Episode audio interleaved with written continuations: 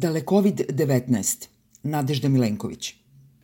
Kad je ovo počelo, vlast nije gledala dalje od svog nosa. Naprotiv, kliberila se najsmešnijem virusu koji je, što se već tada znalo, zapravo smrtno ozbiljan, nutkala nas da drmnemo po rakijicu kao preventivu umesto da zdravstvenim radnicima obezbedi zaštitu, omalovažavala smrtnost od korone poređenjima sa navodno mnogo smrtonosnijim ujedom komarca umesto da napravi strategiju borbe, hvalisala se proizvodnjom vakcine umesto da oprema bolnice. No sada je vlast napokon pokazala da ume da bude i dalekovida. Jeste da gleda samo do izbora, ali bar je niko ne može optužiti da je nesposobna da makar jednu jedinu situaciju sagleda dva meseca unapred i da na vreme preduzme sve potrebne korake. Prva mera koju će vlast preduzeti je puštanje na slobodu nedobrovoljno zatočenih ljudi starije starosne dobi.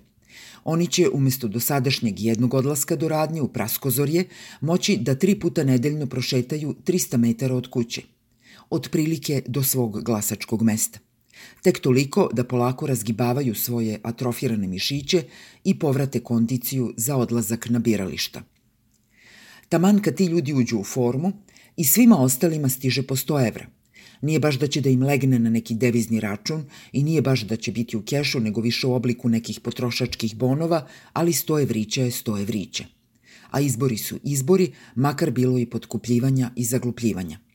Jer je ova vlast sada u misiji očuvanja javnog zdravlja, a ne zdravog razuma. U ostalom nju je od uvek i zanimalo samo glasačko telo – a to što je sada zanima i telo glasača je samo zato što i COVID-19 pretenduje na njega. I dok gradonačelnik umesto gradonačelnika najavljuje predizbornu seriju koncerata na otvorenom za publiku u zatvorenom, a pod pretencioznim nazivom Beograd pobeđuje, predsednik države je otišao i korak dalje i najavio da Srbija pobeđuje.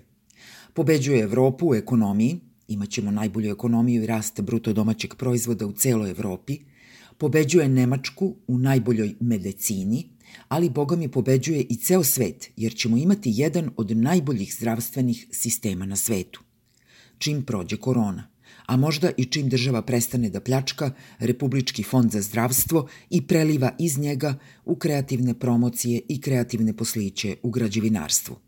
Ophrvan svim tim veličanstvenim najavama pobeda, gradonačelnik umesto gradonačelnika je, umesto u ime Beograđana, čije su pare, poklonio u ime predsednika države 10.000 zastava da ih ljudi obese po zgradama. Ma nemoj. Za iste pare, umesto obećanih 100-metarskih jarbola, zastave. Umesto obećanog obesite me ako zabrljam, obesite zastave. Obešenjaci jedni.